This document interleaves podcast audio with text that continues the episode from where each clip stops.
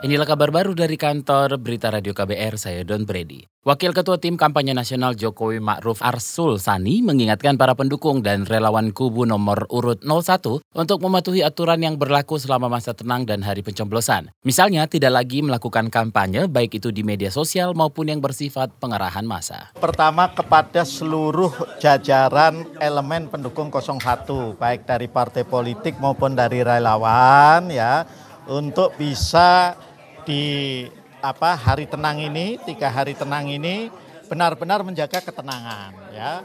Tidak melakukan apa postingan-postingan terutama di media sosial yang itu memprovokasi uh, apa pihak yang sebelah. Wakil Ketua TKN Jokowi Maruf Arsul Sani juga mengimbau hal yang sama kepada pendukung kubu nomor urut 02. Kedua kubu kata Arsul, jangan saling memprovokasi dan Arsul berharap Kementerian Kominfo menonaktifkan akun media sosial yang mengubah konten-konten berbau kampanye di politik masa tenang.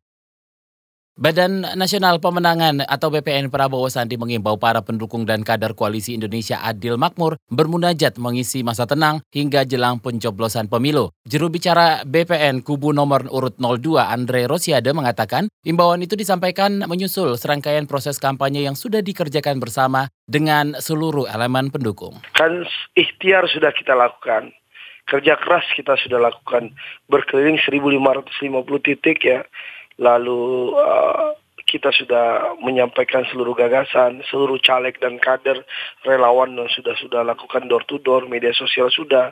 Sekarang tinggal menunggu pertolongan Allah. Ya, saya rasa ya sudah kita berkontemplasi, bermunajat sama Allah, minta pertolongan sama Allah.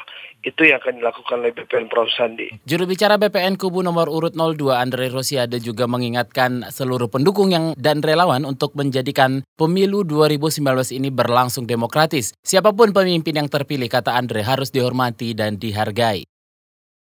Pencoblosan di tempat pemungutan suara luar negeri TPSLN KBRI Islamabad, Pakistan diwarnai suasana tempo dulu atau vintage. Dalam keterangan tertulisnya hari ini Ketua Kelompok Penyelenggara Pemungutan Suara Luar Negeri Islamabad Amirah Zatul Hima mengatakan awalnya ada dua opsi tema yaitu Nusantara dan vintage. Tapi karena tema Nusantara sudah banyak dipakai di berbagai tempat maka dipilihlah nuansa yang berbeda tapi tetap dengan substansi Nusantara. Total pemilih yang masuk dalam DPT dan menggunakan hak pilihnya secara langsung di TPSLN Islamabad ada sebanyak 246 orang atau 93,5 persen. Sedangkan pemilih yang menggunakan jasa pos ada 106 orang. Selain menampilkan tema suasana tempo dulu, pencoblosan Pilpres dan Pileg di Islamabad dimeriahkan juga dengan bazar kuliner Nusantara.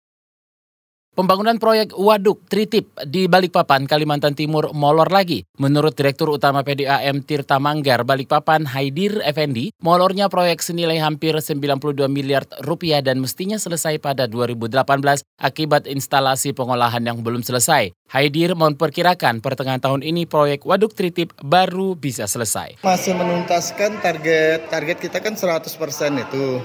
Nah ini kita ada keterlambatan semestinya kalau rencana kemarin awal tahun Tritip udah bisa memanfaatkan ya. Airnya sudah ada sebenarnya, cuma uh, pengolahannya masih dalam penyelesaian ini.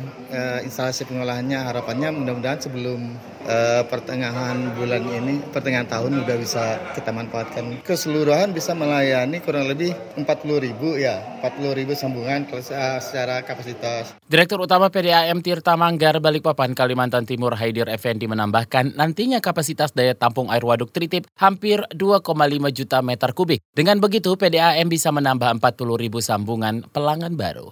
Demikian kabar baru dari kantor Berita Radio KBR, saya Don Brady.